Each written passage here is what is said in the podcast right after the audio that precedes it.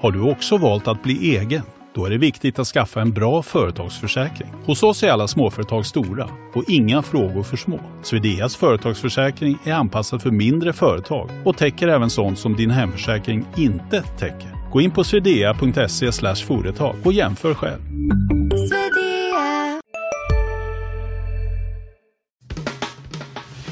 Analyspodden från Dagens Industri.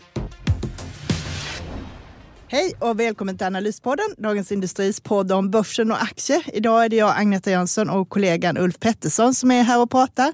Välkommen Ulf! Tack ska du ha Agneta. Vad tycker du vi ska prata om idag då? Vi kanske ska prata om eh, bolagsrapporter, ganska mycket faktiskt, för det är ju, ja med den här slutet av den här veckan så ebbar det ut rejält, men det har varit bra tryck den här veckan, riktigt bra tryck med rapporter. Uh, och sen får vi kanske prata lite om ECBs räntehöjning, vad den kan ha för bäring på Riksbank och på våra svenska banker. Och sen så får vi prata lite om nästa vecka som blir också bolagsintressant, men då kanske det skiftar fokus ännu mer mot eh, makro och Fed-beskedet. Det gör det, plus att vi har några case med oss också. Det vet jag att du Precis. har lite i bakfickan här. Och eh, jag har också ett bolag som jag tänkte prata om. Och som vanligt är det fredag och klockan är tio så att ni vet vad vi vet. Eh, denna veckan så är idag är börsen ner runt en procent men det har gått upp senaste veckan. Så OMX S30 ligger på 1947 nu ungefär. Eh, och vi får väl säga att det, varit en, det har hänt väldigt mycket. Du kommer ju direkt från tv-studion. Mm. Vad är den viktigaste rapporten som har kommit nu på fredag morgonen? Den jag tror kommer toppa tidningen om man säger det, om vi nu toppar tidningen med en bolagsrapport så blir det nog ändå Electrolux eftersom de ska genomföra ett större besparingsprogram där på 4 000 personer. Det ska kosta en och en halv miljard och i samband med det så rapporterar man då en förlust för tredje kvartalet, vilket inte var väntat. Det var väntat en rejält svag rapport, men ändå ett plussiffror, men det blev det inte. Och det är nedgångar på de flesta marknader och eh, konsument, konsumentens vilja att köpa vitvaror har, har minskat dramatiskt här senaste månaden, berättade Electrolux om.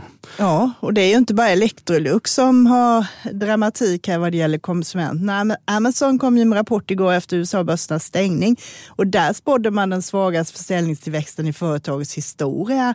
Och de väntas bara växa liksom mellan 2 och 8 procent fjärde kvartalet.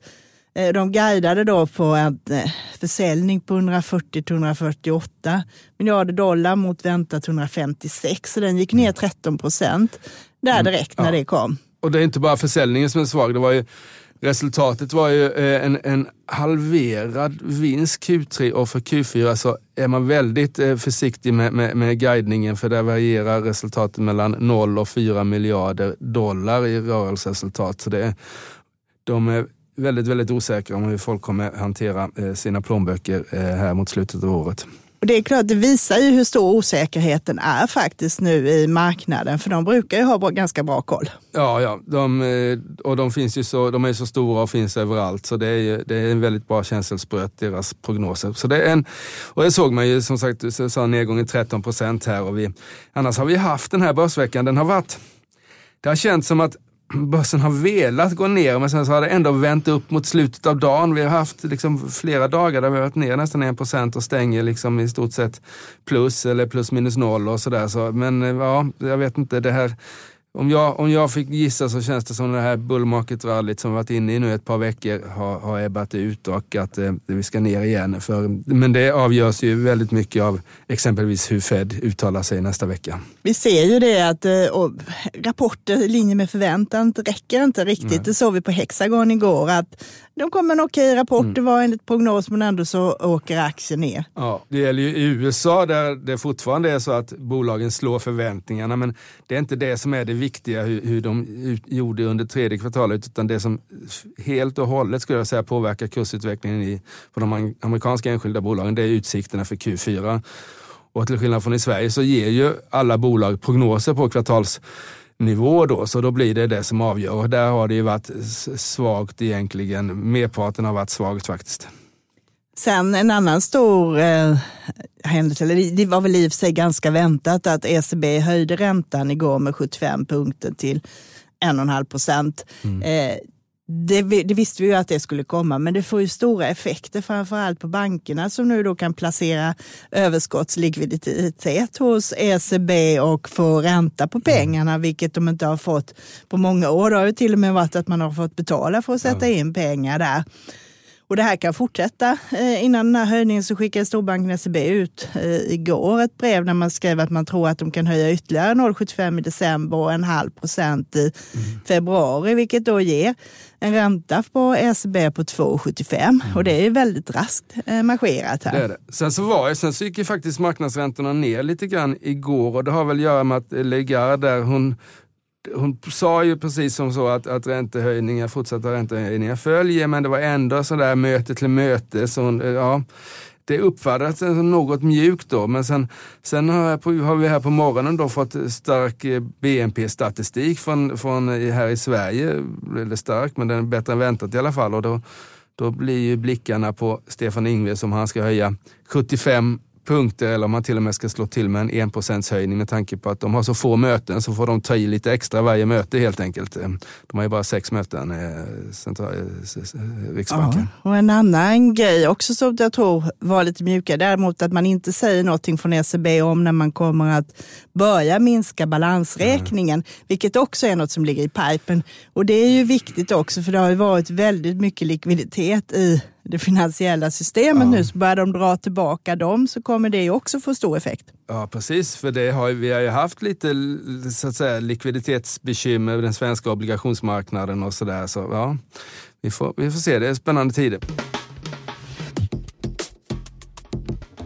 Men ska vi återgå lite till rapport, rapporterna som vi är ju, först och främst du och jag, Agneta, eh, mikro ekonomer eller företagsbevakare. Precis. Eh, vi har ju, jag kan ju ta mina två största då som kom i veckan. Det var ju SEB och eh, Swedbank och bägge två överträffade ju förväntningarna ganska mycket. Framförallt så var det ju räntenettorna som var enormt mycket bättre än förra året vid den här tiden. SEB var det en ökning på 35 procent och i Swedbank var det 23 procent. Mm.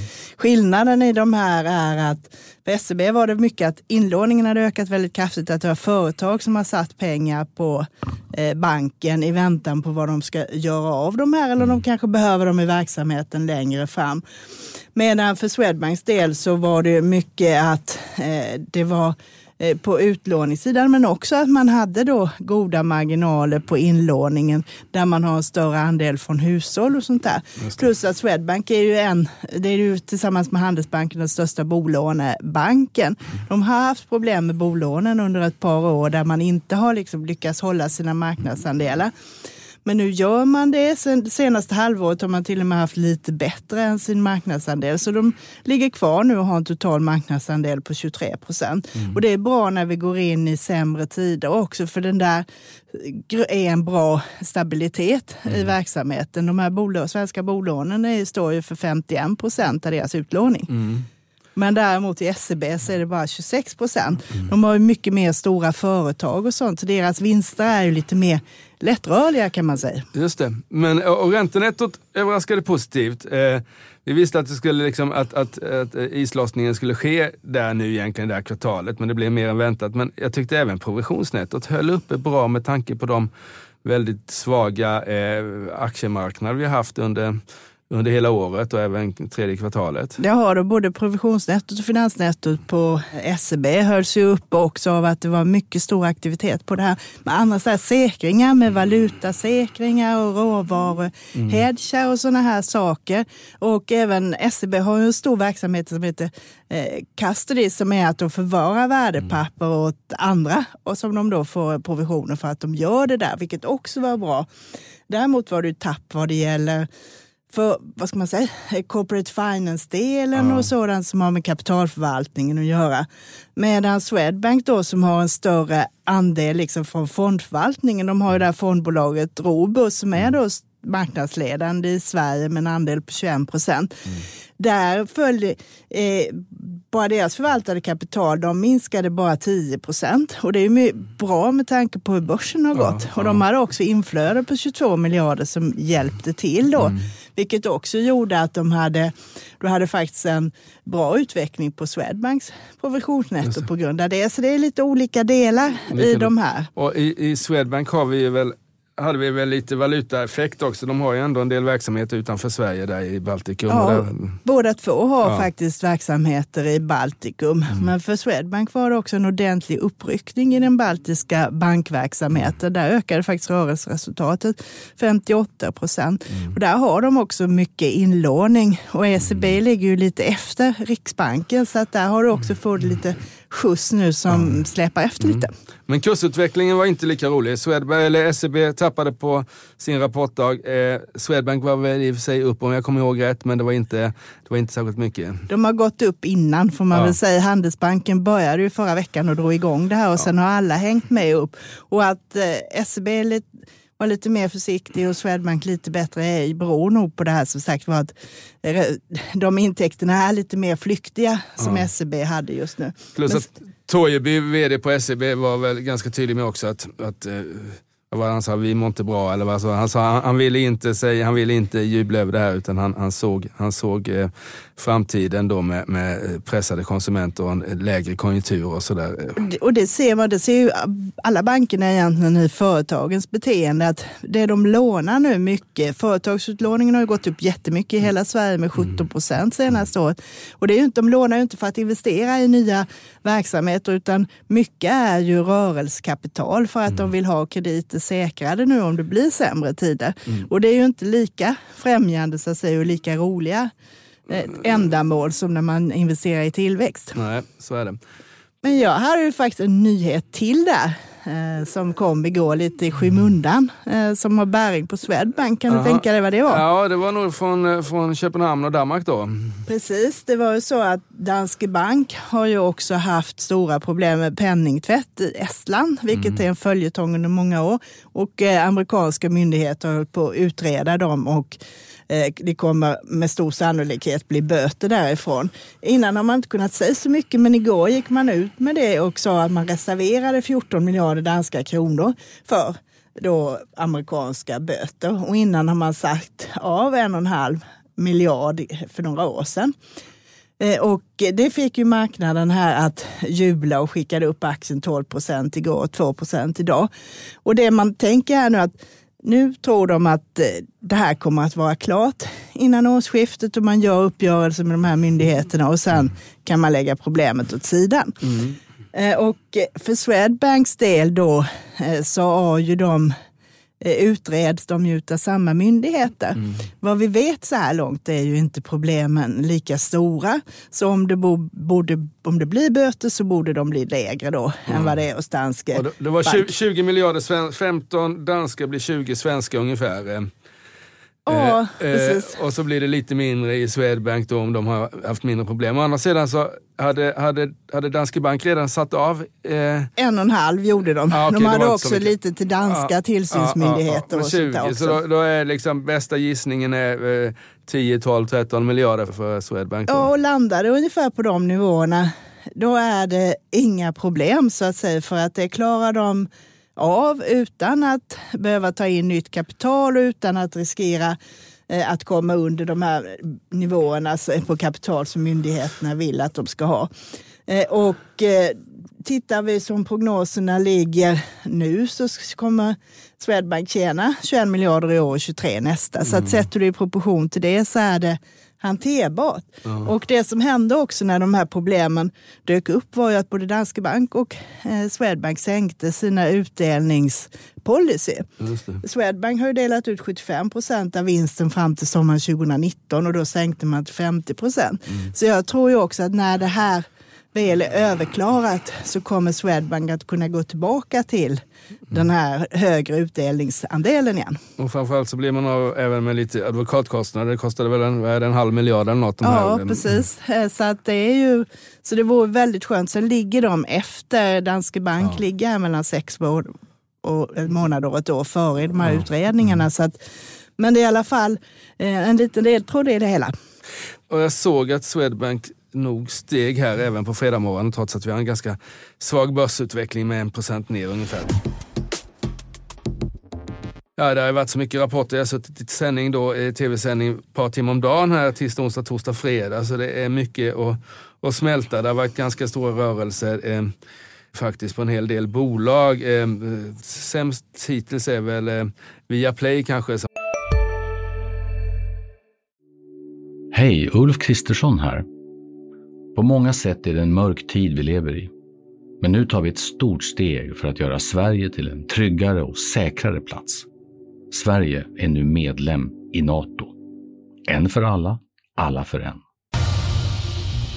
Expressen gör varje vecka podden Politikrummet där vi djupdyker i det senaste och viktigaste inom svensk politik. Med mig, Filippa Rogvall, som programledare tillsammans med mina vassa kollegor. Och det är ju ni som heter Thomas Nordenskjöld, Anette Holmqvist och Viktor Bartkrum. Politikrummet kommer med ett nytt avsnitt varje tisdag. Vi hörs.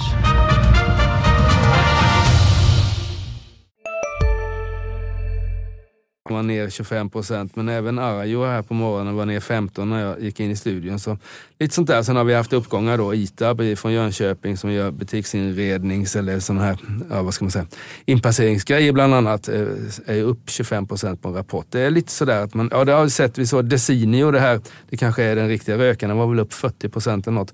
Eh, eh, de här som gör, säljer tavlor på nätet, posters på nätet.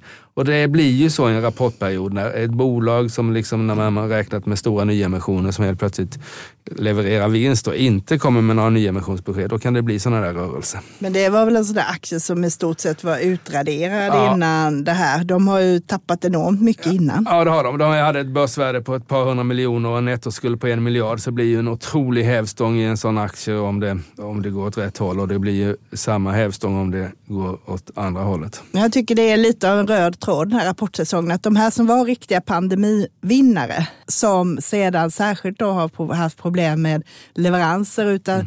eh, elektronikdelar och sådana här mm. grejer som då Mips och Thule och sådana här saker. Mm. Att, eh, sådana har straffats väldigt hårt nu för de mm. var så högt eh, uppskickade innan ja, om man säger så. Ja, och det blev ju, om man Ja, har man varit med ett tag så har man varit med det förut, men man tror ju aldrig att det ska hända igen. Men det gör det hela tiden, hur vi kan få se en sån fantastisk omvärdering på en del bolag. Som, alltså vettiga bolag som tjänar pengar som går ner 60, 70, 80 procent på ett år.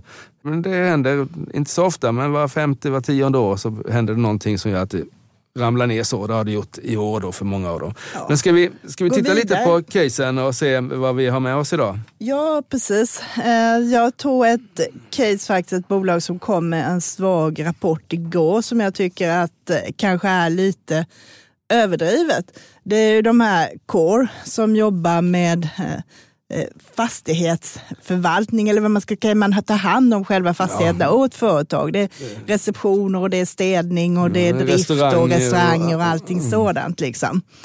Eh, och de har ju många storföretag bland sina kunder och sköter i princip alltihopa det här. Under mm. pandemin så hade de väldigt tapp vad det gäller det här med personalmatsalar och mm. liksom leverans av fika och sådana här grejer. Men för övrigt så rullade det på. Eh, det är ju sån här med stabil tillväxt och de har ofta långa kontrakt som löper mm. på fyra år. De har hög förnyelsegrad på de här också. Det är inte så ofta att de tappar Nej. stora kunder. Ibland gör de det. De tappade en stor del av det här norska Equinor härom året och då mm. fick de en dipp på det. Och sen plockade de in nya kunder. Och där har de ju ofta så att när de tar in nya kunder så är lönsamheten längre i början för det tar tid liksom att starta samarbete och det kostar lite mer och sådär. Eh, och det är den effekten jag tror vi såg här nu i det här kvartalet. Eh, det var en svagare rapport. Eh, omsättningen på 2,8 miljarder var 5 procent lägre än väntat, men 14 procent bättre än förra året. Men bryter man ner de där 14 procenten var det bara 1 procent organiskt. De har som mål att växa 4-5 procent, 10 förvärv och 3 procent valuta. Eh, och det man hade då var att flera nya kontrakt med lägre marginaler i uppstart. Och där har de två riktigt stora danska kontrakt. Det här DSB som är typ SJ, så här, transport och mm. färger och grejer. Och något med ett statligt som heter Byggnadsstyrelsen. Eh, och det är ju sånt som kommer löpa på nu under många år, men just nu så drar det ner då. Så rörelsemarginalen var 4,4 procent eh, mot 6,2 eh, Q3 förra året. Så att det blev man besviken på. Aktien åkte ner 20 procent igår och 3 procent idag till 59 kronor. Mm. Och eh, tittar man på, jag tror inte det här slår jättehårt på nästa års prognoser här, så att eh, drygt 5 kronor i vinst nästa år ger ett P-tal på en bit under 12 mm. och det är väldigt lågt om du tittar på hur de har värderat historiskt. Så jag tror det här kan vara nu ett bra tillfälle att plocka upp dem här, och kanske inte idag men under det här kvartalet faktiskt. Vad har du med dig för grejer? Jag, jag tar med mig tre aktier så jag får vara lite kortfattad här. Du ska ju alltid vara vass. Ja. eh, jag börjar med då, eh, den här som vi brukar prata om, veckans aktier kan man väl säga då. Måndagens aktieanalys som vi har i tidningen varje måndag. Eh, och då var det min tur att skriva och då skrev jag om Alimak, eh, bygghiss, eh, transporthissföretaget uppe i Norrland som jag satte köp på. Eh, aktien har gått ner eh, 60 procent här eh, från toppen egentligen. Eh, eh jag det går ner 30 sen, sen, i, sen i augusti när jag skrev. Eh, och anledningen till att den har gått så svagt är inte att det har kommit med dåliga rapporter, för Q2-rapporten var riktigt bra. Stark, stark orderingång, eh, god vinsttillväxt. Q3-rapporten var minst lika bra med en vinstökning på 25 procent, 10 procent organisk tillväxt. Utan det som har sänkt är då ett jätteförvärv som de ska göra eh, som, eh, för 5 miljarder ska de betala eh, för ett bolag här och de själva är värda 3,5 så det är ju liksom mer än dubbelt så dyrt som Alimak. Och den har sänkt aktien riktigt för det väntar då en nyemission här i, början av nästa år eh, för att finansiera det där. Man har inte fått klart affären än får man väl säga då. Det är därför det inte har skett redan nu då. Eh, men jag tycker att nedgången som har varit är kanske berättigad med tanke på att hur vi har sett hur bolag, eh, bolag har, har liksom tagits emot när de gör storförvärv sista tiden här. Och det är en stor nyemission. Det kommer säkert bli en nyemission ett på ett. Eh, de ska ta in 2,5 miljard så det är klart att det kommer finnas en och annan investerare som inte vill så att säga dubbla sitt innehav i antal aktier i alla fall i, i Alimak. Eh, och sånt där brukar pressa, men jag tycker kurspressen, särskilt i ljuset av de starka rapporterna som de har levererat de sista två kvartalen, är överdriven. Så då satte jag köper dem och tror på ett, ett lyft på kanske 20-25 procent där. Eh, de, det är klart att det är ju lite, de märker väl också av konjunkturen, men hittills är orderingången jättebra. Och sen tar jag då två, jag är med numera med i drömportföljen också, eh, vår Dagens Industris stora, stora aktietävling som löper fram till december här. Eh, jag kom, var lite sen i starten så jag gjorde min portfölj i början av veckan. Ja, vi får väl göra lite reklam för det. Det kan ju de som lyssnar faktiskt också vara med och tävla ja, med dig där. Och man kan vinna 100 000 kronor om man vinner Tror jag det. Så det är absolut, och kostar inget att vara med heller. Så det är bara en, en Bara in och anmäla er och sen kan ni ju följa Ulf och andra där och se vad de gör för förändringar i portföljen. Det kan också vara kul. Precis, och så kommer jag skriva om dem också eh, på sajt och kanske i tidning och sådär. Men följ gärna mig, eh, får vi se. Eh, hittills består portföljen av Clas Olsson, som jag tycker har, har dippat för mycket och kommer bra septembersförsäljning. Jag köper Nibe som kommer med rapport senare i november som ramlade ner rejält efter en sån här blanka rapport.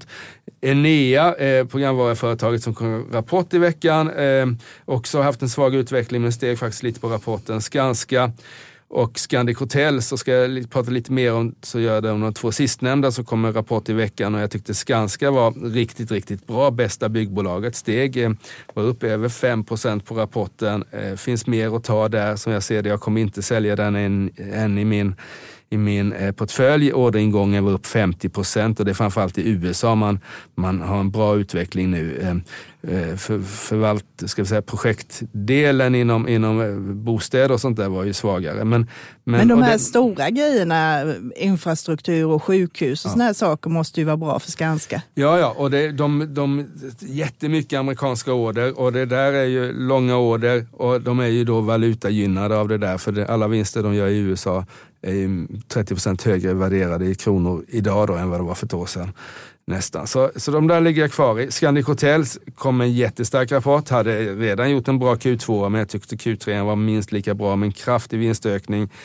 Bra beläggning, ökad beläggning, ökade priser. Eh, den som har liksom försökt hitta ett hotell i framförallt Danmark där jag var för ett tag sedan, då är det väldigt höga priser. Där finns ju Scandic, men även i Sverige är det, är det bra rush. Så, och de har också, de hade ju, har inte, absolut inte gått dåligt i år, men de ramlade ner från dryga 40 till under 30 och då plockade jag upp dem. Så portföljerna faktiskt, och de steg också på rapporten, så min portfölj är upp 8% den här veckan. Vilket man får, det är ju en normal årsavkastning, just ja, det är. Så jag, jag ligger långt efter de som leder, de har väl 35 då, men denna veckan har jag faktiskt ätit in lite på toppen där. Så vi får se, jag fortsätter. Det är de fem som gäller nu. Eh, eh, men följ mig när jag gör några förändringar framöver. Ja, men det blir spännande att se här mm. och eh, jag tycker vi stoppar för idag och gå över lite till vad som händer nästa vecka istället. Det tycker jag är en mycket bra idé och den är ju väldigt intressant. Om jag får, eh, det är ju jättemycket där, men eh, det är klart att Fed-beskedet blir ju extra, alltså amerikanska centralbankens eh, mm, ränt, räntebesked blir ju höjdpunkten, tycker jag i alla fall. Det är på onsdagen och där mm. är det ju också nästan 100% säkert att de kommer höja med 75 punkter då. Ja. Eh, sen kommer det ju en massa bolagsrapporter och statistik och grejer. Eh, en på tisdag har vi NCC som är byggsidan också, som mm. du har koll på.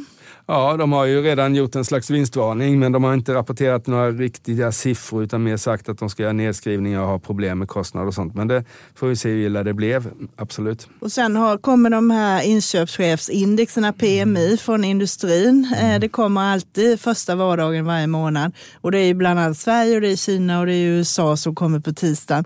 Eh, och det är ju en sån här tidig indikator som mm. man eh, håller noga koll på nu, så det får ju ni göra också. Och Ska man prata kort om den då så har ju faktiskt eh, reaktionen på PMI-siffrorna förändrats här senaste månaden mot, hur det brukar se ut. När de kommer på när de eh, publiceras så brukar en hög siffra ge börsuppgång och en låg siffra ge, ge börsnedgång. Nu har det varit lite tvärtom här för att man vill liksom eh, inte ha någon bra fart i ekonomin för då kommer eh, räntehöjningar bli ännu högre. Så det har varit lite, som lite skild, skild, skilda världar mot hur det brukar vara. Precis, och när det kommer ner en bit under 50 där så brukar det också vara, en del, vara lite bottenkänning för börsen faktiskt. Ja.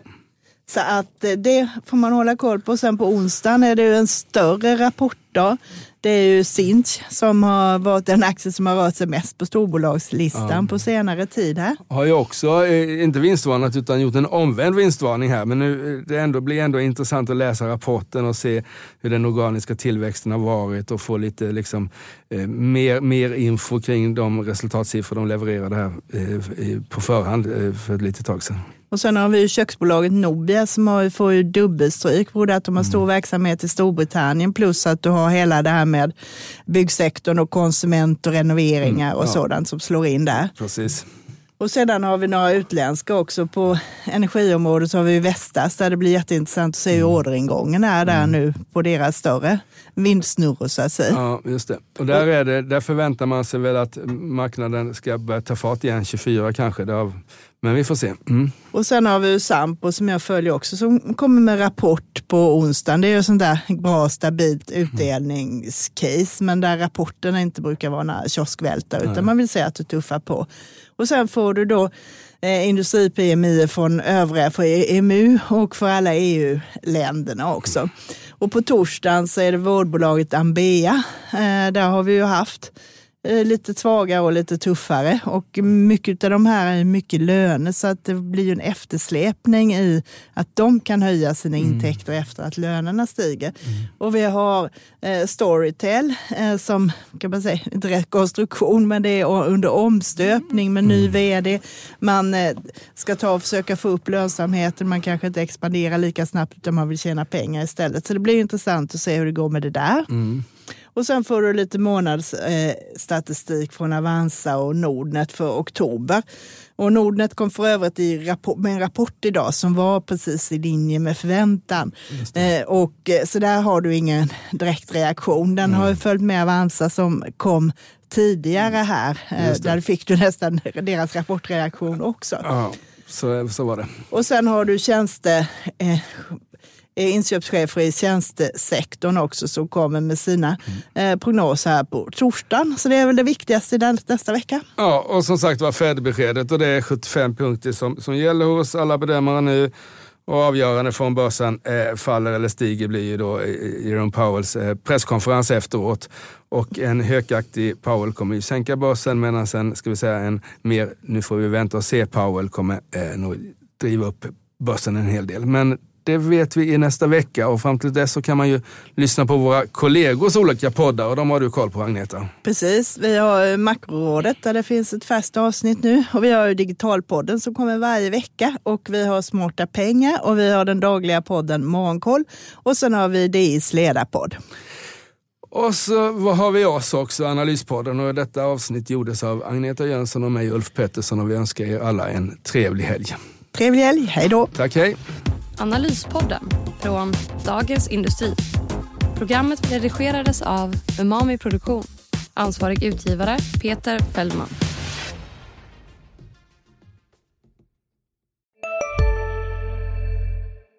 Hej, Synoptik här. Hos oss får du hjälp med att ta hand om din ögonhälsa.